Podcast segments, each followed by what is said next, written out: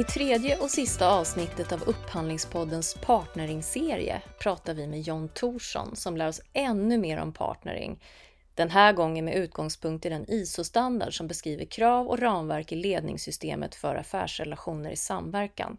Det är en standard som riktar sig till både små och stora företag. John beskriver skillnaderna i att både upphandla och att jobba i ett partneringprojekt jämfört med en traditionell avtalsmodell där man i samverkan lägger mycket fokus på hur organisationen levererar ett värde till projektet med avseende på tid, kostnad och kvalitet och att man framförallt handlar upp själva resan mot slutprodukten. Som ordförande och initiativtagare till arbetet med att ta fram samverkansstandarden är John djupt kunnig i ämnet och han har även skrivit en bok till den svenska byggbranschen som förklarar värdet av ISO 44001.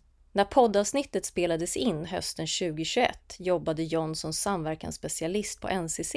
I maj 2022 gick han vidare till operationalexcellence.com, en startup som jobbar med en kombination av lean, agil och samverkan för att skapa självförbättrande organisationer.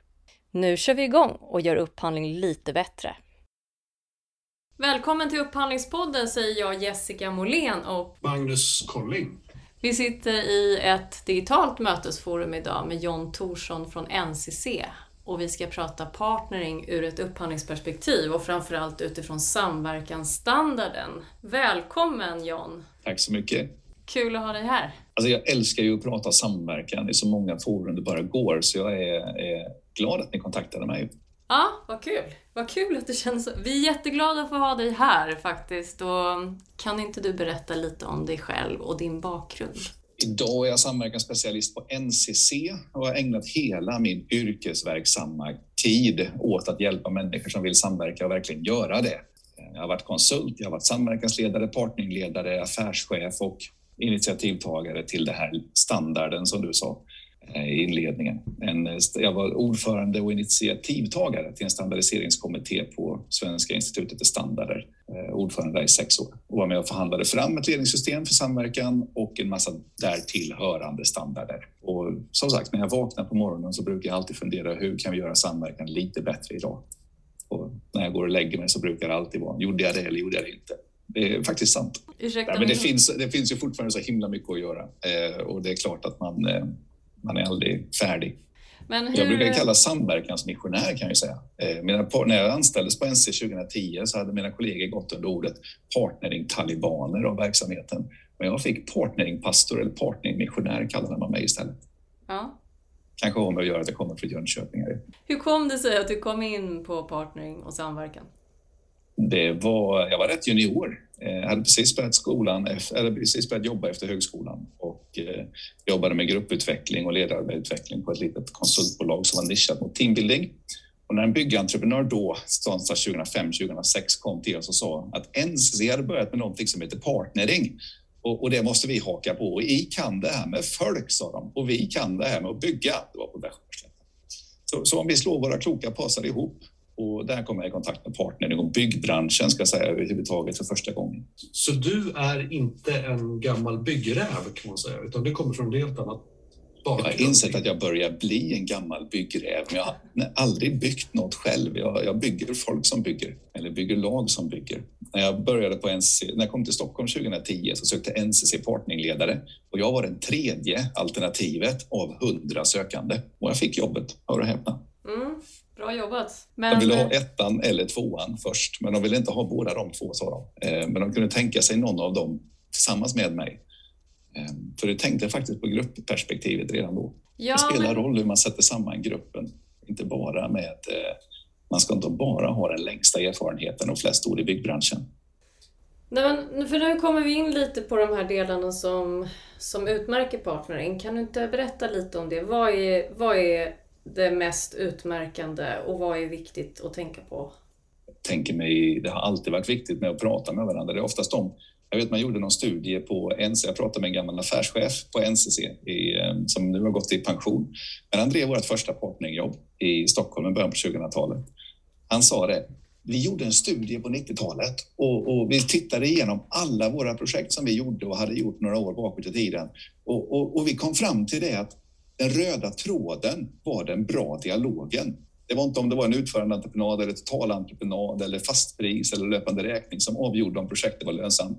Det var där man hade en bra dialog med beställaren, eh, mellan beställaren och entreprenören och de övriga aktörerna i, i projektet.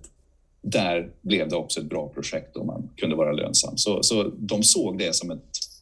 När partneringen väl dök upp på radarn så såg de att det här är ett fantastiskt sätt för oss att skapa en systematik runt att bygga den goda dialogen där vi hjälps åt i våra projekt. Vet ni hur det kom sig att vi började med partnering i, i NCC överhuvudtaget i Sverige? Nej, berätta.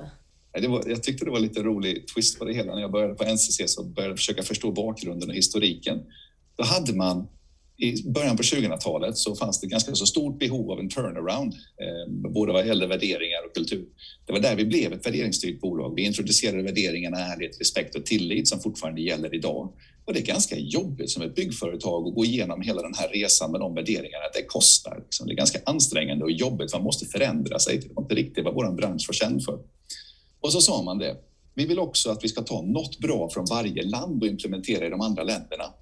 Den finska bostadssidan hade någon fantastisk Excel-mall där man kunde fylla i några nyckeltal och utploppade en indikativ kostnad för projektet. Funkar inte riktigt lika bra i Sverige. Man kunde inte plocka bort bastu i varje lägenhet, bland annat. Det var ett obligatoriskt tillval. Men från Danmark skulle vi implementera partnering. Partnering! Och det tyckte de var något bra som de hade tagit från, eh, från England bara något år tidigare. Både i Danmark och England var det myndighetsinitiativ där myndigheterna sa vi måste tänka om hur vi jobbar i byggbranschen. Vi kan inte hålla på att bryta arm, utsätta varandra för lägsta prisupphandlingar och slå varandra i huvudet med avtal. Vi skapar inte värde. Vi måste vända trenden med skenande byggkostnader, olycksstatistik och allt egentligen.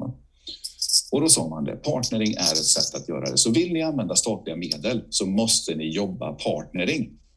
Och det var ju ett fantastiskt initiativ. Allt blev partnering, även sånt som inte var lämpat för det. Det kanske vi kommer att prata om lite senare också, vad som är lämpligt och inte lämpligt. Men i NCC, eller för, i Sverige, när vi skulle implementera det här på 2000-talet, då, då tog det över ett halvår innan vi fick någon kund att överhuvudtaget nappa på det. Men man, trodde, man såg tidiga effekter i Danmark på att det faktiskt gav en, en, en bättre dialog, en bättre relation och man skapade större värden i projekten. Och ehm, sen var det fler och fler som, som började våga ta till sig det arbetssättet och det är inget annat än ett systematiskt arbetssätt för att, vad de brukar säga den definitionen, ehm, Partnering är en strukturerad samarbetsform i byggbranschen där projektets nyckelaktörer jobbar tillsammans med att lösa en bygguppgift. Från början när jag pluggade så hade vi gästföreläsare av, av, några som var väldigt besjälade av det här som idé en gång i tiden. Det här var mitten av 90-talet. Det fanns liksom en grupp i i samverkanspartnern i Sverige som var lite så här, vad du sa Jönköping, men lite så halleluja liksom, kring det snarare än att, att det skulle ja, bli så jäkla konkret, kan man säga det? Alla skulle bli lyckliga. Liksom. Mm. Uh, och uh, när jag kom i kontakt med det då och jobbade liksom med de här tråkiga delarna där saker ting har gått åt pepparn och sitter med advokaterna och sånt där, så tyckte jag att det där inte riktigt mötte verkligheten. Och jag försökte hitta former att kan man säga, hitta en, en, en, juridik och affärsupplägg som skulle kunna stödja det där eller i alla fall kunna liksom skapa en arena för att hitta eh, möjlighet att bryta i olikheterna. Så lite funderingar kring det där är ju, är det liksom, finns det en modell eller finns det liksom ersättningsmodeller, affärsupplägg, juridik som är mer eller mindre lämpliga som stödjer liksom, idén om att samverka mellan parterna? När jag pratade med de som var med i den tidiga världen, alltså jag kom ju trots allt in i detta 2010, då hade vi trummat ut detta då på order uppifrån att vi ska ta något bra för varje land och implementera de andra länderna. Och det gick ganska snabbt från att vara ingenting på den svenska marknaden till att vara en tredjedel av vår omsättning. Va? Så det blev ganska fort en ganska så bärande del av, av vårt sätt att arbeta. Och det vi såg var att vi hade nöjdare kunder. De var, alltså, sen vi började mäta systematiskt sen 2007 så är allting vi har mätt Överlag har vi haft hög kundnöjdhet, men i partnerprojekten så var kundnöjdheten ännu lite bättre.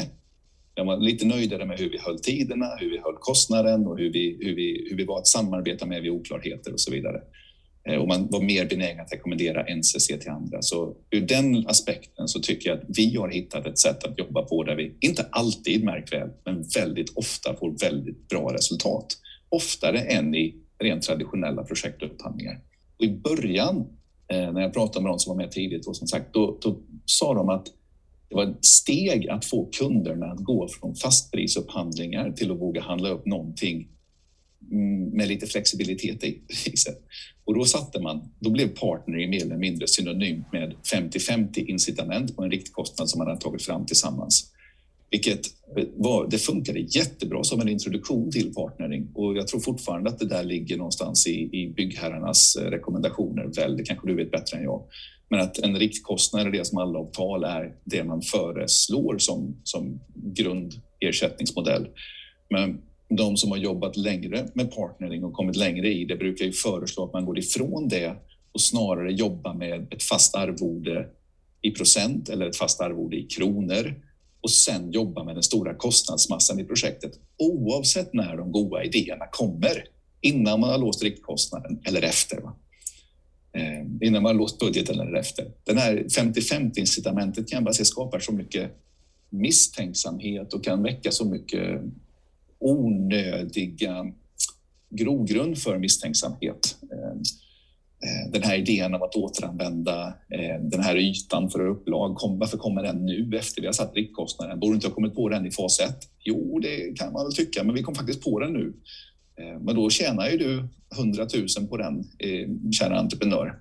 Hade du kommit på den i fas 1 så hade vi inte tjänat någonting på den. Men du hade kunnat göra annat för de pengarna. Så jag ser fler och fler gå ifrån idén om riktkostnadsincitament och fler som går mot ren löpande räkning eller att låsa arvodet i kronor och sen jobba med självkostnadsmassan egentligen då och styra den så mycket man kan och fånga möjligheter under resans gång. Jag vet inte, är det din erfarenhet också? Eh. Vi övergav väl en del sådana incitament och just det som skapade tröskeleffekter och fick liksom inlåsningar som liknade fastpris och ätarregleringar. Och de finns ju på sätt och vis kvar också i och med att man har låst arvoden och sånt där till fasta, i fasta belopp. Eh, det, det är jättebra så länge alla är på den här goda sidan av besparingssidan eller den goda sidan av riktkostnaden kan man säga. Men när man börjar trilla fel, när någon inte har gjort sin hemläxa kan man säga, eh, så är det en tuff resa oavsett skulle jag säga. För då äter ju det, det blir ju ett slags instrument även för eh, entreprenören eh, att, att begränsa den löpande räkningsomfattningen och när den inte kan begränsas eller när man har gjort fel bedömning kan man säga tillsammans så äter ju den på, på avkastningen eller på, ja, enkelt på avkastningen och det där blir tufft då liksom för i alla fall de bolag som är på börsen och är tvungna att visa. Ja, det är tufft är... där också, men det är inte samma typ av tröskeleffekter. Det, det jag har svårt för generellt i debatten runt partnering som har varit ibland, det är att man, eftersom det, man inte har landat i en universal sanning för vilken ersättningsform och så där man ska använda som alltid funkar, så är det fel med partnering. Och den tanken köper liksom inte jag, för det kan aldrig vara fel att jobba, om det inte är olagligt då, så, så det kan aldrig vara fel att jobba tillsammans åt samma mål och, och, och slå våra kloka huvuden ihop och i en öppen dialog utbyta erfarenheter, bygga vidare på varandras idéer för hur vi ska lösa projektets utmaningar. Utan att, och sen vill jag ju bara städa bort så mycket onödigt som möjligt och så mycket hinder och skrufs som möjligt ur den vyn. Och då är det till exempel att jag brukar säga ge människor som kan och vill samverka så bra förutsättningar som möjligt att göra det. Där man inte måste fundera över om eh, så här. Vi landade, jag skulle göra ett, ett vattenkraft, en, en dammförstärkningsprojekt skulle jag vara samverkansledare i för några år sedan. Och jag hade bara tänkt ha en liten icebreaker, så här, rundan runt på en uppföljningsworkshop vi gjorde mitt under projektet. Vi hade efter många om och men, när vi ändå är inne på ersättningsmodellen nu, landat i att ha en fast arvode i kronor och sen ha en, en budget på cirka 100 miljoner och en riskavsättning på cirka 10 procent. Och så, så, så fasta arvodet, det var ett, ja, säg att det var 10 miljoner på de här 100 miljonerna. Byggde vi för 90 miljoner så var det fortfarande 10 miljoner i arvode och man fick en högre procent som entreprenören om det urvattnade som man gick över. Det, det var det man landade i. Och, och jag ställde den här icebreaker-frågan bara som en introduktion när vi träffades. På vilket sätt är det annorlunda att jobba i det här projektet än mot ett traditionellt projekt som ni alla har erfarenhet av tidigare? Och det som skulle varit sju minuter, en minut per person runt bordet blev en en och en halv timmes diskussion där jag fyllde en hel whiteboard. Och de gav ett sådant konkret exempel där de sa att tack vare att vi hade en gynnsam årstid nu det här året så, fattar, så kunde vi se att genom att tidigare lägga vissa arbeten för fonddammen så kunde vi helt eliminera risker för två miljoner och det skulle kosta oss 100 000 nu extra och lägga en geoduk och lite annat så. Och de bara de landade i det att det var så självklart att det är så vi ska göra. Det var ingen diskussion om vem tjänar mest på att investera de hundratusen. Vem ska bära 50? Ska vi bära 50-50 procent av den kostnaden eller ska entreprenören ta 70 procent eller hela? Eller vem, vem bär kostnaden och vem bär möjligheten och risken? De bara, det är bäst för projektet, det är klart vi gör det. Det är den typen av beteenden vi vill stimulera och bygga och skapa, för där, det är klart att den typen av klimat ger ett väldigt mycket bättre konstruktivt projekt än ett projekt där var och en sitter och bara håller på sin egen, egen, sina egna bästa kort och inte vill spela ut dem för man inte vill visa sin hand och bli utnyttjad. Men om man vill eh, plocka ner det här lite till upphandlingsnivån då? Hur skiljer sig en, en upphandling av ett partnerprojekt mot en upphandling av ett annat typ av projekt, alltså traditionsenligt? Jag skulle säga att vi ser, så här när jag började 2010 med samverkan partnering, då var det nästan bara, upplevde jag i alla fall då, partneringupphandlingarna som hade stora inslag av mjuka parametrar, kvalitetsparametrar. Men idag, eh, jag eh, jobbar en hel del med Trafikverket och annat, där ser vi ju även i rena totalentreprenader med bara samverkan bas som ganska stora inslag med kvalitetsparametrar som viktas. Ehm, men det som historiskt sett då skiljer en, en partneringentreprenad från en traditionell entreprenadupphandling brukar vara hur mycket man fokuserar på priset och hur mycket man fokuserar på på kvalitetsparametrarna. Till att börja med ersättningsmodellen spelar roll. Ska man ha ett fast pris eller ska man ha någon annan form av, av incitament? eller någon annan form av ersättningsmodell. Det blir så mångfacetterat här, men handlas man upp tidigt, då är det väldigt svårt, alltså i, i projekteringsfasen eller designfasen, då är det lite svårt att sätta ett fast pris och handla upp på ett fast pris. Då måste man ju handla upp på någonting annat. Och vad är det då man brukar vilja vikta? Då brukar jag tänka ehm, att det är viktigt att välja människor som kan och vill samverka och som både är tekniskt skickliga för just det här uppdraget men också har samarbetsförmåga. Ehm, och det brukar vi se att, att man viktar ganska stort. Ehm, det brukar vara dubbelt så mycket viktat som genomförandebeskrivning och vårt arbetssätt för, för hållbarhet och, och den typen av frågeställningar, vågar jag säga. Och så brukar man ha en runt 20, eh, ja, från 20 procent till faktiskt 0 procent ibland Eh, konkurrens på arvodet eller timpriser på tjänstemän och annat. Rimmar det med din bild också Jessica? Ja, alltså jo, här skulle jag vilja att du kom med lite goda råd kring hur man ska kravställa en organisation för partnering. Vad är, det som, vad är det som är annorlunda egentligen? De måste ju vara jäkligt duktiga på, på det tekniska utförandet. Det är ju det du vill åt någonstans. Men så kan jag tänka i alla fall. Det är fortfarande samma kompetens att bygga som du behöver i ett traditionellt projekt än i ett samverkansprojekt. Men när du adderar just samverkan, då vill du ju också utvärdera den aspekten av det. Är den här en människa som jag tror kan lyssna på andras input, andras argumentation, andras idéer? Ehm, är det någon som kan bygga vidare på mina idéer? Och så vidare. Det finns ju olika sätt att göra det på. En, ehm, ett väldigt bra exempel tycker jag var från eh, en förvaltning för utbyggd tunnelbana när de handlade upp samverkansprojektet station Hagastaden ehm, nu bara mindre än ett år sedan. Där de gav oss de, de ville att vi skulle visa en organ... De beskrev projektet och skickade ut handlingar Ehm, och mängder, förteckningar och sånt som de hade, men vi skulle inte lämna något pris. Men de ville att, de ville att vi skulle beskriva en organisation som på ett mycket tydligt och överskådligt sätt skulle vi beskriva en organisation som kunde ge beställaren stort mervärde i det här projektet. Och då behöver vi sätta oss ner och fundera, hur bör vi organisera ett projekt, ett miljardprojekt, ett projekt över en miljard? Eh, man behöver, vilka, vilka kompetenser behöver man ha? Vilken teknisk, vilken teknik, teknisk kunnande måste man ha? Hur stor behöver en sån organisation vara och vilka erfarenheter måste de ha haft med sig tidigare? De borde ha jobbat framgångsrikt och effektivt i tidigare samverkansprojekt. Och så behöver vi sätta samman en organisation som motsvarar de förväntningarna. Så får vi beskriva på vilket sätt de kan göra att det blir värdeskapande för kunden i tid, till kostnad, till rätt kvalitet med hållbarhet, lite störning på, på omgivande Eh, mm, samhället. Och dessutom då, hur den här organisationens sammansättning och individer kan bidra till att det blir snabbare, billigare, bättre kvalitet, mindre störningar på samhället och ännu hållbarare, ännu säkrare än om vi inte hade haft dem, just de här. Den typen av upphandlingar uppskattar ju sådana, sådana som jag, entreprenörerna, eh, snarare än någon som säger, för jag har sett sådana ibland då, på andra sidan av det spektrumet. Vi värdesätter kompetens för den här upphandlingen, säger de, för det här projektet. Vi vill att projektchefen ska ha minst 15 års erfarenhet som projektchef i den här typen av entreprenader och de tre stycken ska vara färdigställda de senaste fem åren. Och eh, platschefen ska ha jobbat minst tio år som just platschef och ha genomfört två stycken av det, eh, entreprenader av exakt den här stilen. På det sättet så begränsar man ganska kraftfullt vårt förhandlingsutrymme att sätta samman ett riktigt bra lag som kan leverera en bra eh, resa för att leverera den här slutprodukten.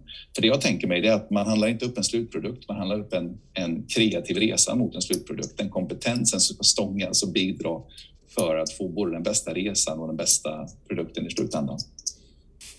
Vad glad jag är att du säger det, för jag var precis på väg att försöka bryta in det och säga det att skillnad från när vi jobbar med en traditionell entreprenadupphandling så är det precis så att då har vi med de brister och förtjänster på något vis ritat en färdig produkt som vi vill ha ett pris för. Och sen så kompletterar vi det med lite olika särskilda kompetenser som kanske krävs för att få den här på plats. Men precis som du säger så är vi snarare ute efter att handla ett gäng som ska kunna driva en process. Och, och det ställer väl då lite andra idéer om när man möjligen skulle kunna göra det och när det är lämpligt att göra det. Men det kan göras i, vissa, i olika skeden naturligtvis. Ja, vad kul. Det var precis samma formulering. Vad roligt. Ja. Det var kul. Jag hade en beställare som är eh, ett projekt jag var partnerledare från rätt många år sedan nu, över tio år sedan. Han sa, jag frågade honom, när är rätt läge att plocka in entreprenören, sa jag. Hur det sa jag säga dig, han var så också västgöte. Att plocka inte in en entreprenör vid ett blankt papper. Eh, tar man in en entreprenör vid ett blankt papper så är det ingen som har en åsikt. Men så fort någon har ritat ett streck så har de tio anledningar till varför det strecket är fel.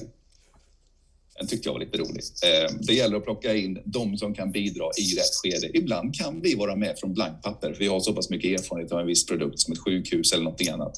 Men, men väldigt ofta så vet ju beställarna mer om den produkten de vill ha och vi ska komma in och bidra med en byggbarhet eller en, någonting annat.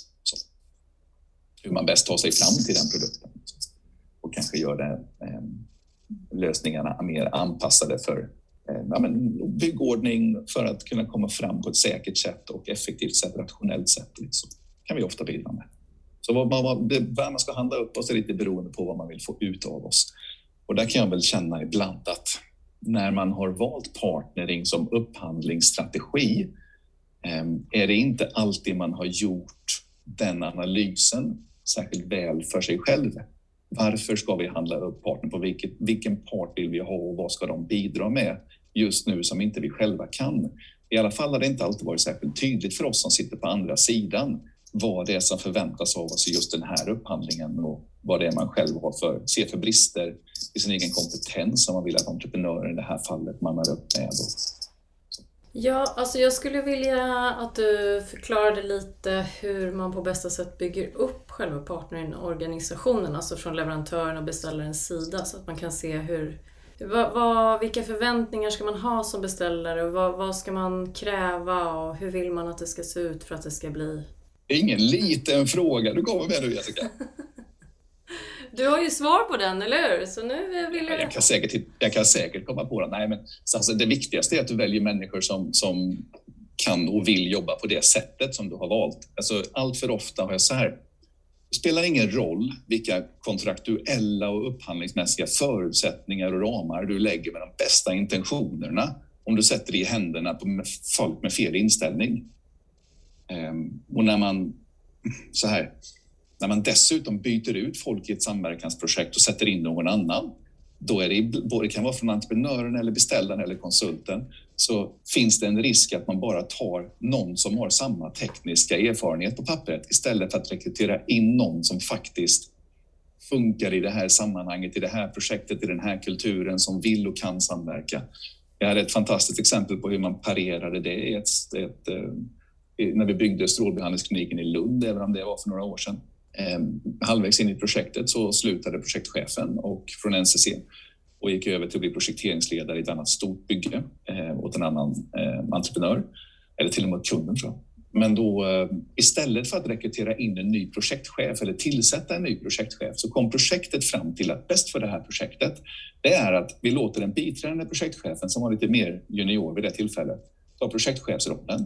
Vi ställer en byggledare, kliver in och för hon är uppsjungen i tänket och arbetssättet och hur vi har jobbat hittills. Beställarens byggledare kliver tillbaka in i projektet, tar lite större ansvar och vår platschef som gjorde sitt sista projekt innan pensionen, han kliver in och tar lite mer administrativa sysslor också. Så vi täcker upp för det som projektchefen tidigare gjorde tillsammans som ett team.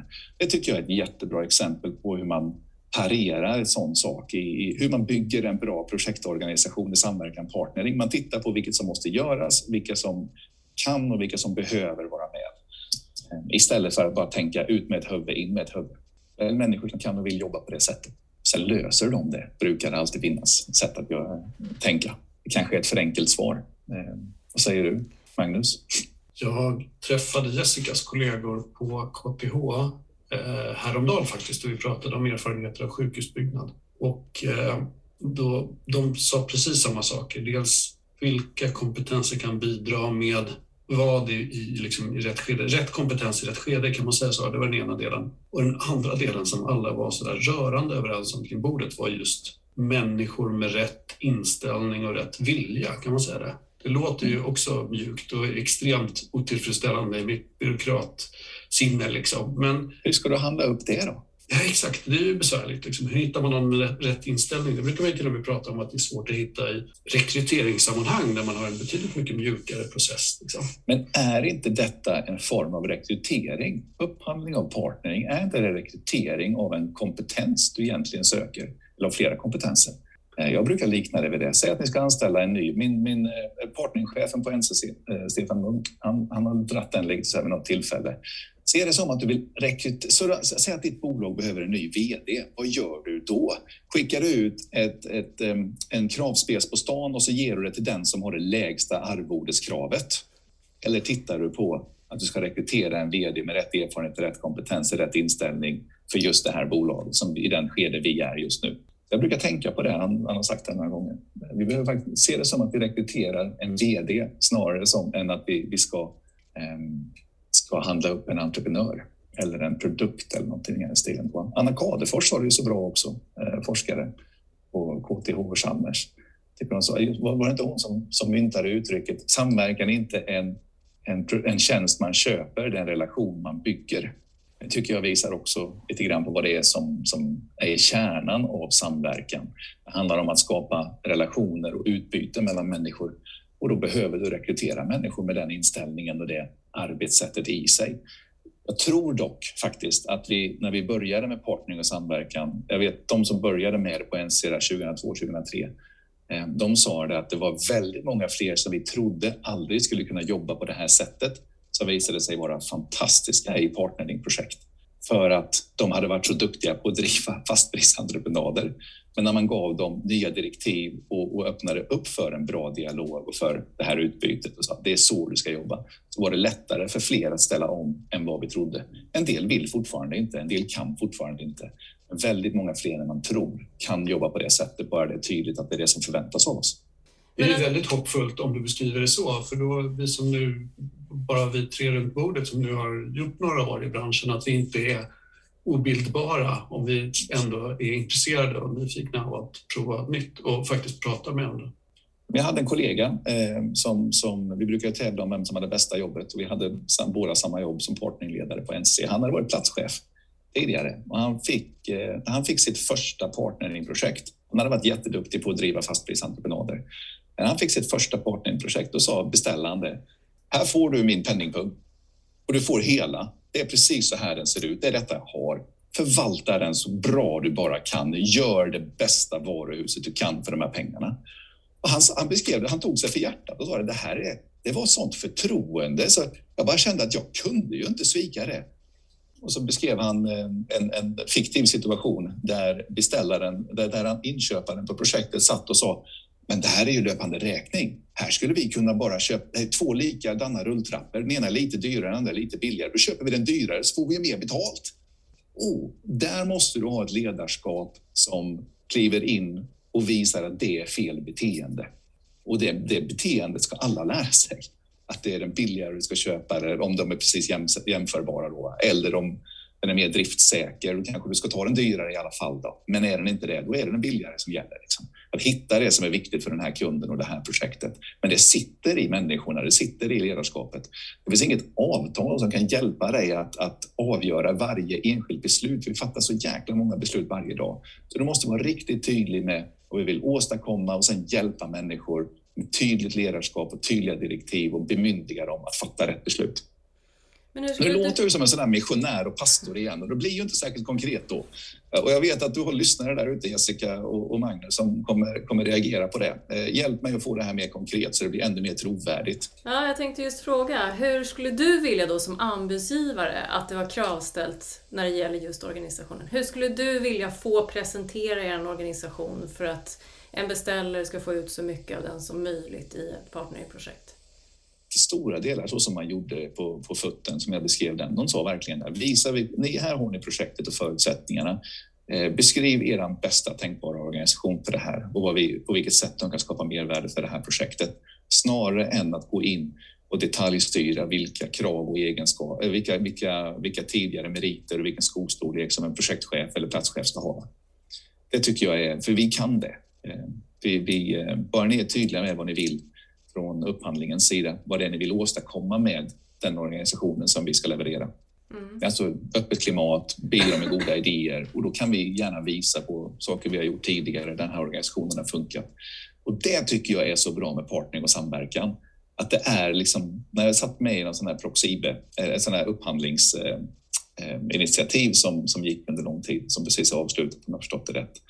Eh, då fick jag höra en av forskarna där berätta om the shadow of the future, hur väl det fungerade för att styra rätt beteenden.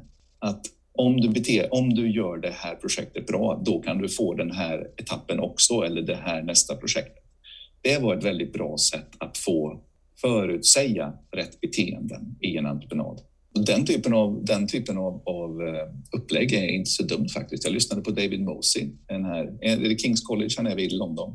Eh, upphandlingsguru, public procurement och collaboration i England eh, så sent som förra veckan. Och, um, han pratade just om hur underutnyttjad ramavtalssamverkan är i, i England. Flerpartsramavtalssamverkan där man flera kommuner går samman och gör en rejäl ramavtalsupphandling för eh, renovering av tak på alla offentliga hus de har till exempel, eller bestånd, bostadsbeståndet. Eh, för att på det sättet skapa en tillräckligt stor bas för de här entreprenörerna att bemanna ordentligt med specialiserad bemanning som inte gör annat än att jobba med de här taken och på det sättet få produktiviteten och säkerhetsarbetet och allt, det, allt man kan tänka sig. Gled jag från ämnet nu? men jag tycker att det där är intressant för det pratar ju om en annan typ av försörjning ändå där, man, där inte avtalsformatet egentligen blir ett hinder utan där man, där man väl har så att säga, ramavtal på plats som fyller en disciplinvis funktion eller en syftesmässig funktion där det ger en möjlighet att faktiskt samarbeta närmare tillsammans. Man har redan, precis som du sa inledningsvis, man har redan avtalet på plats. Nu får vi lära oss att hitta fram till varandra. Men avtalet är inte så tvingande eller så strukturerat att det är ett hinder. Nej. Så jag tycker att det där är intressant för då blir det mer av ledarskap eller managementidé om vad man vill åstadkomma. Ja. Jag gillar den här strategiska partneringen med Södertälje också, som Taina Sundaborg handlade upp där och Telge Fastigheter. Jag, tror, jag, vet inte hur, jag kan inte ta gift på hur många projekt vi gjorde, men det var över 20, jag tror det var mindre än 30. Och de omsatte nog totalt runt en miljard, totalt över 7-8 år. Eh, jag tror det var två olika ramavtal dessutom. Men där bland annat så hade vi ett ramavtal för att bygga förskolor och då vet jag vi, en del brukar, det brukar alltid diskuteras när passar partnering bäst och samverkansprojekt bäst. Det måste vara komplexa entreprenader, tidspressade entreprenader. Men jag vet väldigt många som bygger relativt inom citationstecken nu då, enkla produkter som vinner väldigt mycket på samverkan, partnering och inte minst då när man lägger dem i serie som man gjorde i strategiska partneringen i Södertälje där. Ehm, de tre första förskolorna vet jag man studerade ganska noga. Jag tror man, de kom överens om, både kunderna och entreprenörerna, att man hade sparat åtminstone ett år i färdigställandetiden jämfört med om man skulle handlat upp var och en separat. Bara tack vare hur man kunde styra vilket underlag man tog fram till, vilket kommunal, till vilken kommunal beslutspunkt. Bara genom att anpassa sig till politikens beslutstider lyckades man korta ett helt år av färdigställandet av de här tre skolorna och det var det som var det springande. Eh, vi behövde förskolor, vi behövde det igår.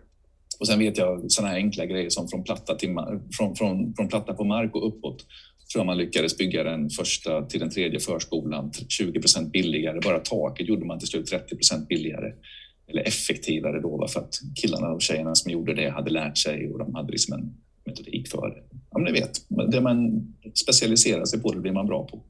Går... Inte per automatik, man kan, fokus, man kan bli bättre på det om man gör det medvetet, eller hur? Om vi går in på den här standarden då. Vad gör den för partnering och, och upphandling av partneringprojekt? Du pratar om ISO 44001. Precis. Ja, jag var ju en, en av de, de här eh, tidiga initiativtagarna till den svenska tekniska kommittén som, som sattes ihop med nästan bara folk, bara folk ifrån samhällsbyggnadssektorn faktiskt.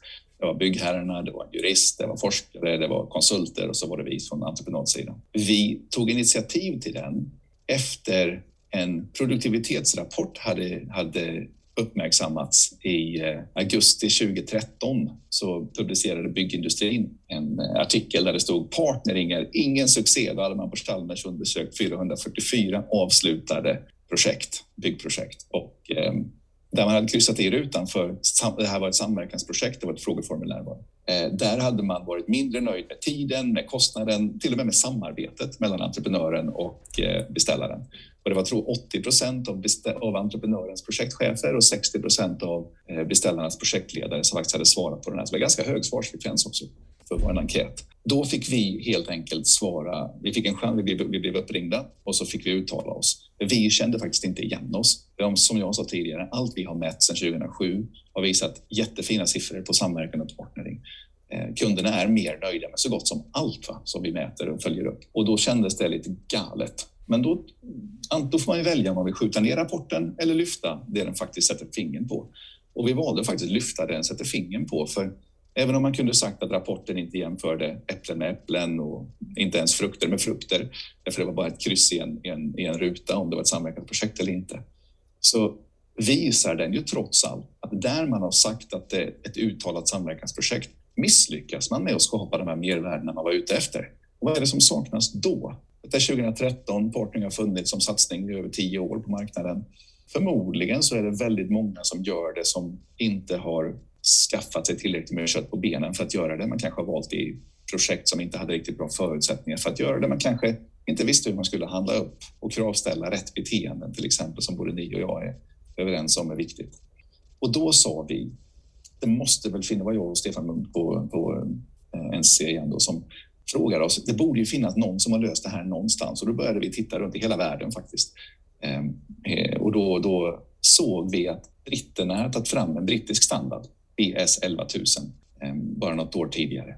Och då gjorde vi en gap-analys mot vårt eget verksamhetssystem enligt den standarden. Vi plockade över han som var fadern till den standarden till Sverige. Han genomlös vårt verksamhetssystem med en stor grupp människor. Vi hade 40 personer i två dagar och vi, det löser ju rött på sina viktiga ställen. Alltså, vi har inte en samverkanspolicy som tydligt talar ut för oss när och var och varför vi ska samverka och vad som gäller när vi samverkar. Vi har ändå alltid bara gjort det, för det har varit en del av ledningens strategi sedan 2003 fram till idag. Va? Men det fanns många formalia som vi faktiskt inte hade på plats. Att bara efterfråga och utveckla och titta på samverkanskompetens, det var inte heller någonting vi gjorde systematiskt. Så då insåg vi ganska tidigt efter den gap-analysen att det är nog så att många brister därför att partnering är en projektangelägenhet, inte en företagsangelägenhet, inte en affärsstrategi. Det är en projektstrategi eller en upphandlingsstrategi, men inte en affärsstrategi där för, ifrån högsta ledningen det ges ett mandat och en inriktningsbeslut till organisationen att i de här tillfällena ska ni samverka med leverantörer, med kunder, med sidoentreprenörer eller med, med liksom andra externa partners eller internt. Det här är effekterna vi behöver ha, det här är förmågorna vi måste ha för att nå de effekterna. Och ständigt mäta och följa upp att vi blir bättre på det. Så vi funderade på om vi skulle ta och certifiera oss utifrån en brittisk standard. Landade i att det kanske var lite snävt. Ehm, och i samma veva så hade britterna börjat lyfta den här till ISO-nivå. Och när ingenting hade hänt efter ett år, då kände vi att då är det väl bättre att vi ger oss med in i leken och med utveckla den, för vi tror vi har något att bidra med. Och då satte vi oss i den här, eh, då startade vi den här eh, via SIS, Svenska tekniska kommittén, TK 593, som var med och utvecklade den internationella standarden. Och den största bidraget som den standarden gör, det är inte huruvida du ska ha en, den säger ju inte hur du ska välja dina partners, men den, den ställer ett antal krav och frågor till dig som organisation som ni måste svara på på hemmaplan och förankra i högsta ledningen kring varför vi ska samverka och hur vi ska samverka. För att identifiera när vi ska samverka, förbereda oss för de samverkansinitiativen och genomföra dem på ett bra sätt och sen ständigt bli bättre på det. Och det är det jag tycker är det största bidraget till standarden. Den hjälper dig att få in den här arbetsmetodiken på hemmaplan och inte bara i de enskilda projekten. I de enskilda projekten brukar man kunna handskas med väldigt svåra, eh, svåra förutsättningar om du bara har rätt folk. Men sen om du sätter dit de bästa partnering, tänkbara partneringförutsättningarna, säg du kör renlöpande räkning, du upphandlar på mjuka parametrar i tidigt skede, men du har fel folk, och då fallerar det ju ändå. Så ge människor som kan och vill så bra förutsättningar som möjligt att samverka. ISO 44001 är ett jättebra verktyg och en, ger en systematik i det arbetet. Att ge människor som kan och vill samverka så bra förutsättningar som möjligt att göra det. Det var ett långt svar på en ganska kort och konkret fråga, Eska, men jag hoppas det budskapet gick fram vad den är till för, själva standarden. Då var den ja, men absolut. Men kan du konkretisera lite? Ta några exempel ur standarden som är viktiga. Ehm, att det måste finnas en högst ansvarig chef, till exempel, som ansvarar i bolaget för att du ska ha resurser och en organisation för att jobba med samverkan, tydliga ansvarsfördelningar och så vidare. Det måste finnas en, en ett register för samverkanskompetens, hör och häpna. Vi måste helt plötsligt börja efterfråga om samverkan är en del av vår affärsidé. Vi är så här, om vi finns till för att förse Eh, Stockholm med bostäder, allmännyttiga bostäder, ja, men då har säkert samverkan en plats i den affärslogiken. Eller om du finns till för att bygga vägar och järnvägar, men då har säkert samverkan en plats i den affärslogiken. Där samverkan kan tillföra värde det har du identifierat och så ger du organisationen mandat att göra det. Istället för att, om man inte har jobbat igenom de här frågeställningarna, en fråga lyfts från en enskild projektledare som tänker att det här är jäkligt komplext, kan jag få chans att jobba lite samverkan här? Ja, det kan du få göra, men ändra inget. Så fort eh, man har ingen beredskap för att om man kommer ut i ett projekt sen då och den ena har kvartalsrapportering av ekonomin, den andra har tertialsrapportering av ekonomin och vill ha fördjupade analyser och prognoser för varje rapport. Ska du göra sju stycken fördjupade ekonomiprognoser om året? Eller ska du göra fyra stycken? Ska du göra tre stycken? Eller slutar det med att ni tillsätter en person som jobbar på heltid från varje partner och dubbeljobbar bara för att göra en fördjupad ekonomisk analys en gång varje månad? För vi, ingen kan göra avsteg från sina interna krav och rutiner. Ehm, det krånglar till allting när du helt plötsligt är beroende av att jobba integrerat med någon annan. Och som NCC har väldigt tydliga krav på vad som gäller med riskhantering och vi ska ha en riskanalys med alla vi ska göra den i projektportalen. Men i samverkansprojekt så har man möjlighet att vara flexibel med det för kunden kanske har ett annat system eller upplägg för det som passar dem bättre. Eller ta att vi gör det med ett joint venture eh, med en, med, en eh, sido, med en annan entreprenör på marknaden. Ska vi jobba efter bådas verksamhetssystem eller ska vi jobba efter ens verksamhetssystem?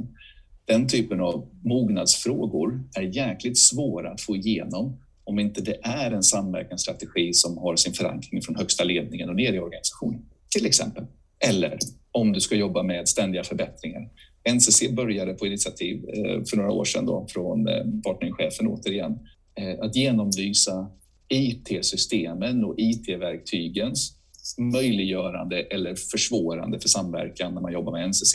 Man upptäcker fantastiska små saker när man gör sådana projekt. Till exempel att om man inte är NCC-anställd och har en NCC-adress, då är man gästan, gästanvändare på projektets skrivare. Det är en liten sak på tillhörigheten, men det kan göra ganska så mycket om man är en användare eller gäst. Men ett ännu allvarligare, det var att en del konsulter hade sagt att det går inte att sitta ute på era kontor och jobba och ens se projektstudio och samverkan i projekteringen. Det är superviktigt för oss eh, för att vi ska kunna leverera på våra kundlöften. Och då eh, visade det sig när vi började gräva lite djupare i det här. Vi trodde ju kanske som man gör då att äh, de, de säger bara så för att de vill Eh, de inte vill sitta på kontoret här, de vill säkert bara sitta hemma med sina kollegor och inte ute på projektet där vi sitter och det är skitigt här ute och det ena med tredje. Man hittar på massa undanflykter. Men det visar sig när vi genomlyser det att när internetets linda, när man mätte hastighet i kilobit per sekund, bing, bong, bong, bong, det var modemet, ehm, så hade man strypt bandbredden för externa användare. NCC hade 100 procent bandbredd, men de här externa kanske hade 70 eller någonting i den stilen. Vilket är ganska så jobbigt om du nu sitter 15 år senare och ska jobba med tunga filer, BIM-modeller och annat eh, tillsammans med andra. Så när det väl identifierades, det fanns ju ingen anledning till det idag när bandbredden är så pass generös. Så bara en förmiddag kunde man åtgärda det problemet.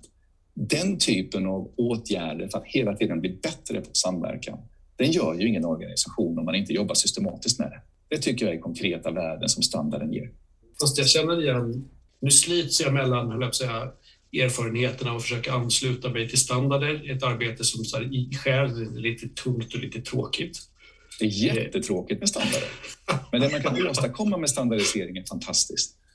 Men det du beskriver, höll jag säga, missmatchen mellan att vara en projektorienterad eller projektrelaterad verksamhet och den övergripande företagsfilosofin egentligen känner jag igen så otroligt väl både från mitt nuvarande jobb där vi har någonstans 200 rullande projekt varje år och en ganska liten omslutning säga, jämfört med NCC. Jag tror vi, vi eh, har en investeringsbudget om ungefär 2 miljarder om året eh, och, och, och, har ju ett behov av att på något vis i vissa avseenden likrikta projekten och också saker och ting där vi har ganska tydliga produktionskoncept. Ser att vi skulle behöva anpassa affärslogiken och affärsidéerna kring de här på ett mycket, mycket mer medvetet sätt så, så tycker jag att det låter, det, det du beskriver är så här, om det här är ju jättehärligt. De här sakerna vill man ju komma fram till på ett klokt sätt och också känna att man går framåt, att det blir en bättre process och en bättre leverans i det vi gör också.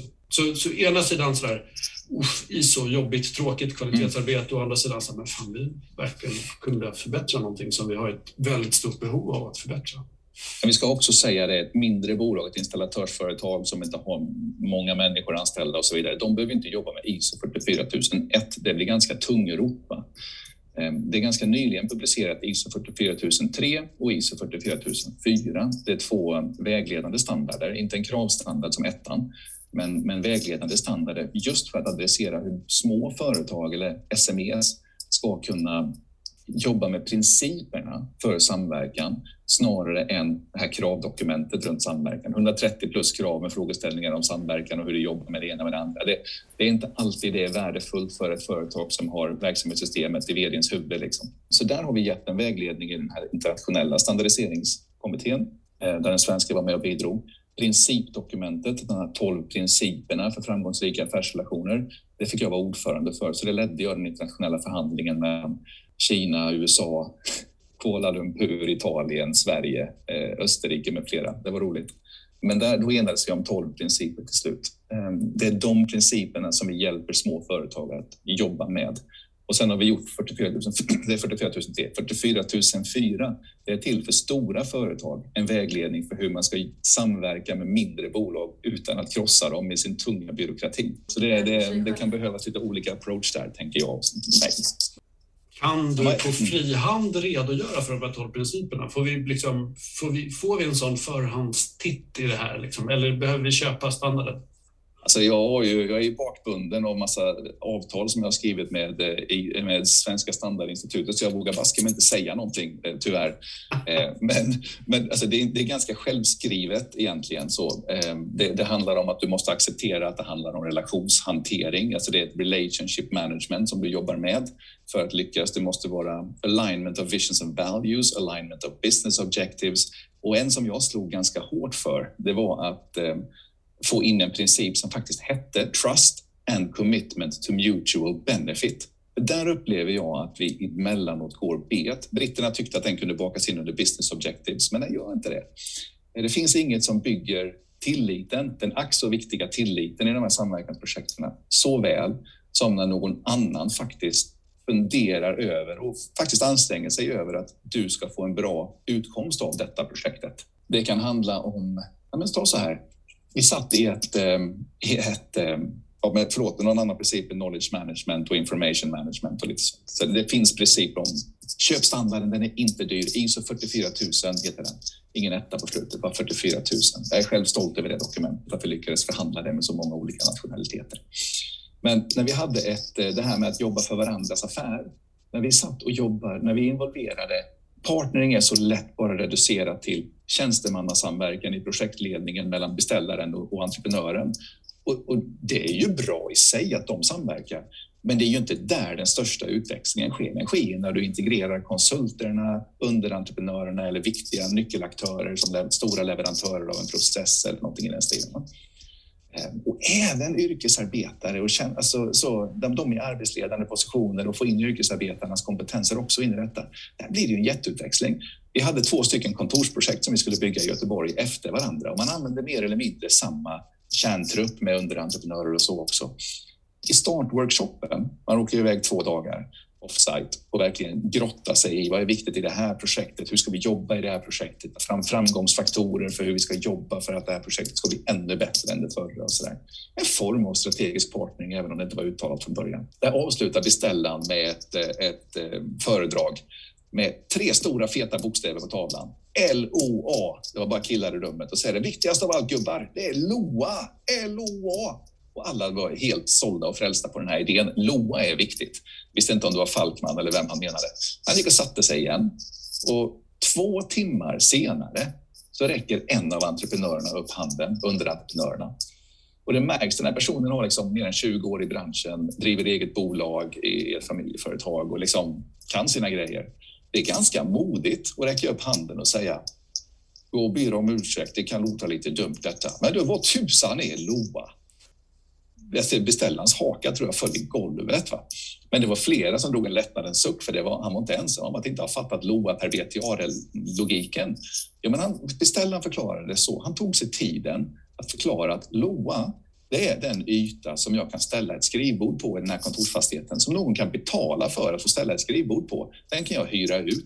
Jag kan inte hyra ut schakt, jag kan inte hyra ut hissar, jag kan inte hyra ut den dödytan. Och då vill jag ha så mycket LOA som möjligt lokalarea.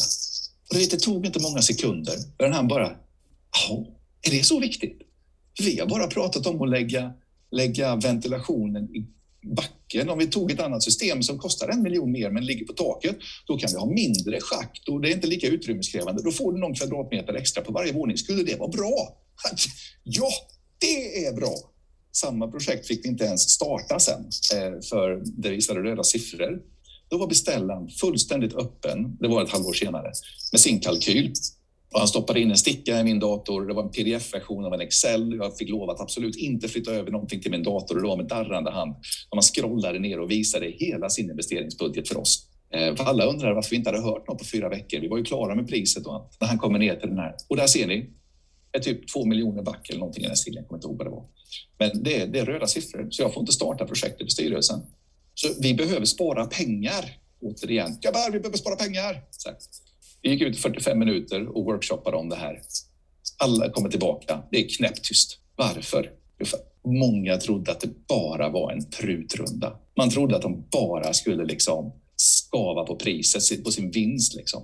Men beställaren gjorde det tydligt. Det är inte därför vi är här. Vi måste hämta hem pengar i projektet. när de väl förstod det och litade på det, då klev till och med markentreprenören upp och sa det. Jag tror jag kan spara 100 000 om vi gör så här istället. Sen kom det en massa galna idéer om att vi kunde använda elcentralen till som vi hade byggt på det förra kontorslokalen till eller huset till den här fastigheten också, för då kunde man spara någon miljon. Då, då ville inte beställaren det sen visade sig, för de kunde stycka av de här och sälja dem separat. Och, men man kom på en besparingslista på 20 miljoner eller något sånt där. Va? Och helt plötsligt så så när man förstod att det var inte prutning det var inne på, det var inte att minimera din vinst i detta. Och det var, det var så beställaren kände att de här är med mig för att hitta LOA, inte bara för att få så mycket omsättning som möjligt. Då fick vi ett sånt jäkla bra projekt. Och den där, det byggde sån tillit i den gruppen och det var verkligen commitment for mutual benefit kände man.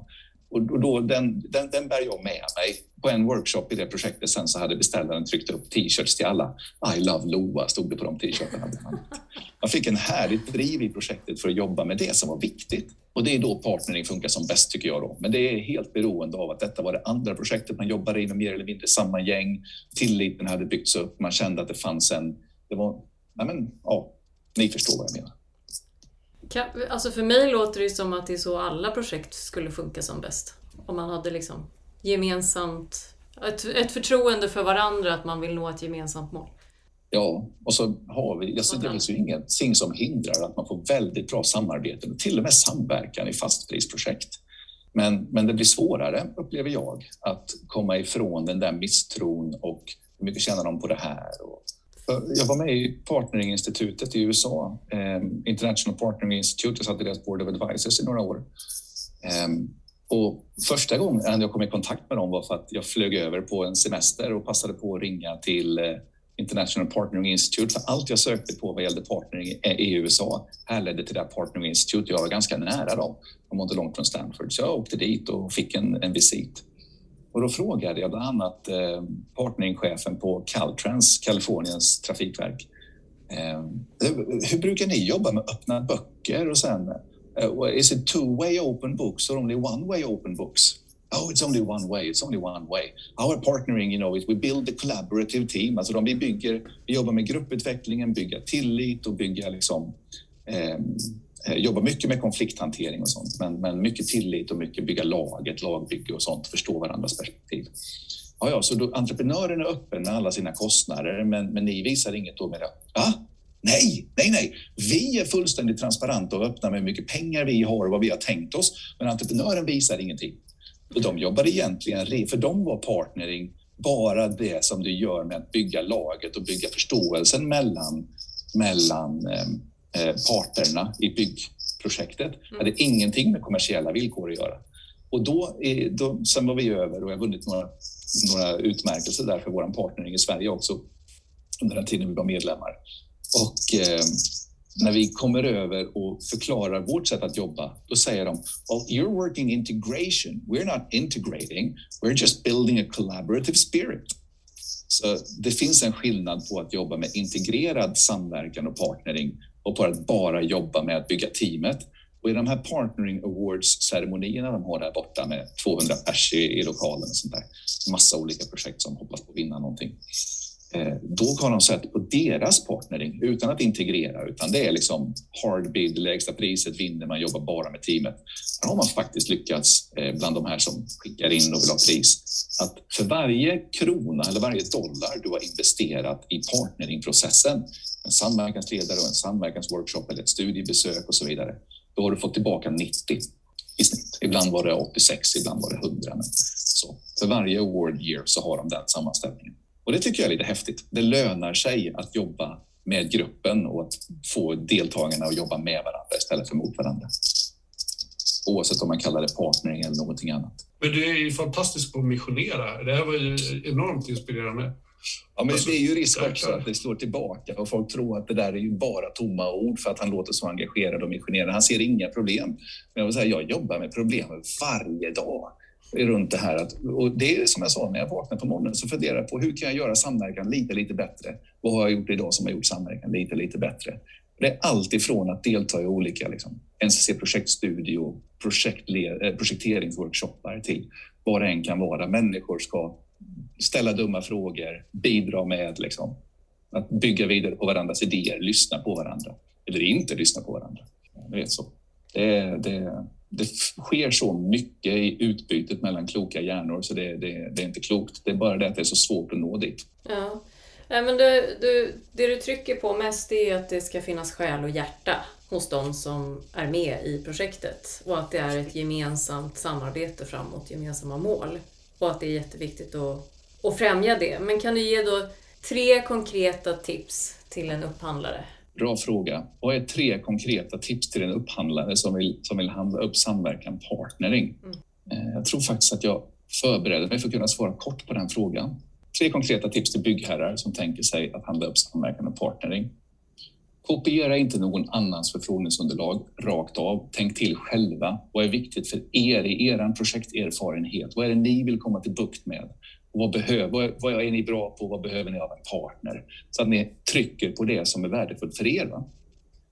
Så lägg inte för stor vikt på arvodet och priset. Det är inte där som den stora skillnaden för projektets slutkostnad kommer ligga, men det kan vara avgörande för marknadens intresse. 3. Låt entreprenörer ställa upp med en organisation som kan ge mervärde. Kravställ inte att projektchefen ska ha 15 år i rollen och fyra samverkansprojekt i ryggen och avslutat de senaste tre åren. Så och så, jag måste ju få ge en extra för att jag har så svårt att hålla mig till bara tre. Ju mer ni kan beskriva er organisation och vad ni är bra på, vad ni är mindre bra på och som ni vill ha från en partner, desto bättre är det. Här i de allra flesta upphandlingarna jag har sett så är det blankt. Man vill ha väldigt mycket av entreprenören, men man lämnar ingenting om sin egen organisation. Mm. Oftast.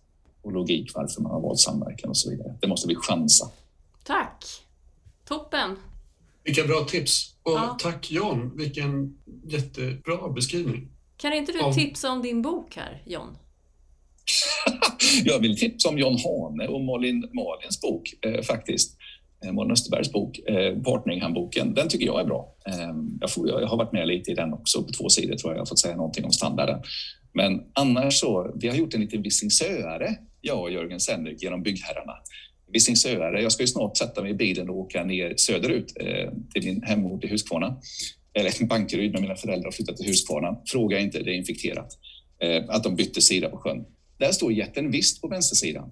Och han kastade in en stor trästock i Vättern på vägen hem från en stor fest. Hans fru orkade inte ta Vättern i ett kliv. Och lite grann så kan det vara efter att man har, man har hört på mig eller någon annan missionera om den här standarden ISO 44001 och hur bra den är. Och då sätter man sig och läser den så är det ett tråkigt dokument på över massa sidor med 130 krav och, och bara en jäkla massa text och väldigt få bilder. Så steget är ganska stort till att gå in i standarden från att bara hört någon prata lite beskärat om det. Därför har vi tagit fram en liten Visingsö, en, kalla det handbok om ni vill.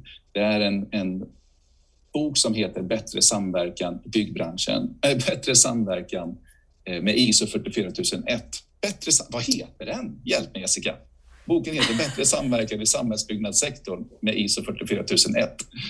Du kommer säkert kunna lägga in en länk som folk kan klicka på för att komma dit. Ja. Den, vi säljer den helt utan vinstintresse. Det är faktiskt bara ett, eh, ett, eh, en önskan att ge människor en liten utzoomad bild av vad standarden är och på vilket sätt den är nyttig för vår bransch.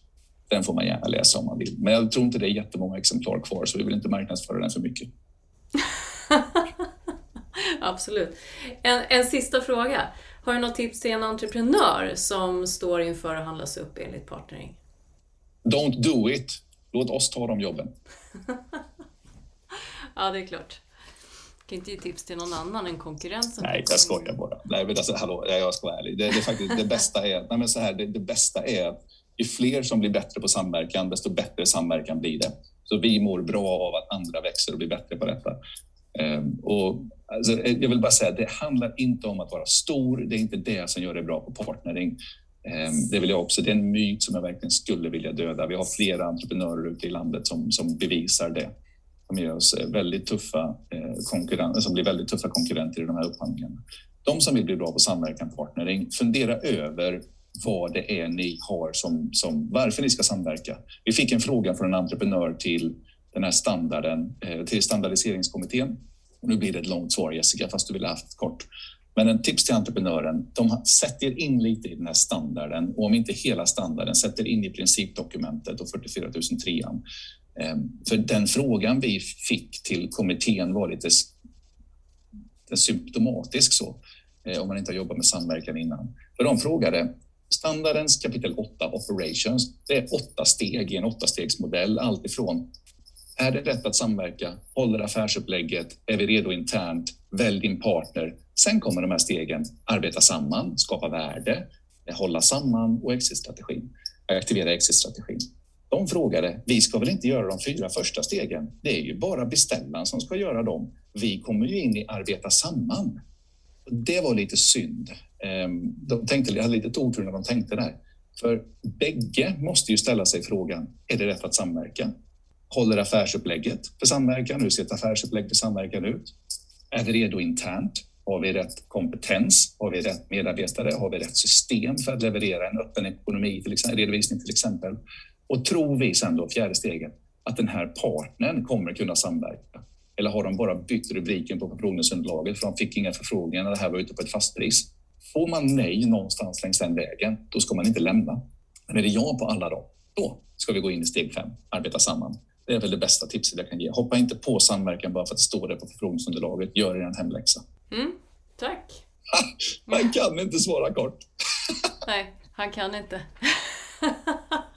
Men vilka svar å andra sidan. Ja, precis.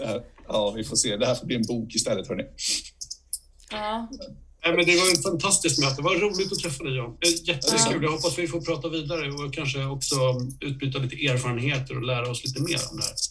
Vi ska Ja. definitivt köpa Byggherrarnas bok och, och vi får väl promenera upp på kansliet och köpa den, tänker jag. Stort tack! Gör så. Stort tack Hoppas snön John. smälter snart så vi kan gå torrskodda. Kör försiktigt. Vi hörs ska vidare. göra. Ha det gott så länge. Tack så mycket. Hej då. Tack Jessica också. Hej då. Hej. Tack för att du lyssnat. Finns det saker du skulle vilja höra mer om eller någon du kanske tycker att vi ska intervjua så hör av dig till oss på lyssna.upphandlingspodden.se. Ett särskilt varmt tack till Erik Stridell på Bybrick som komponerat Upphandlingspoddens jingel.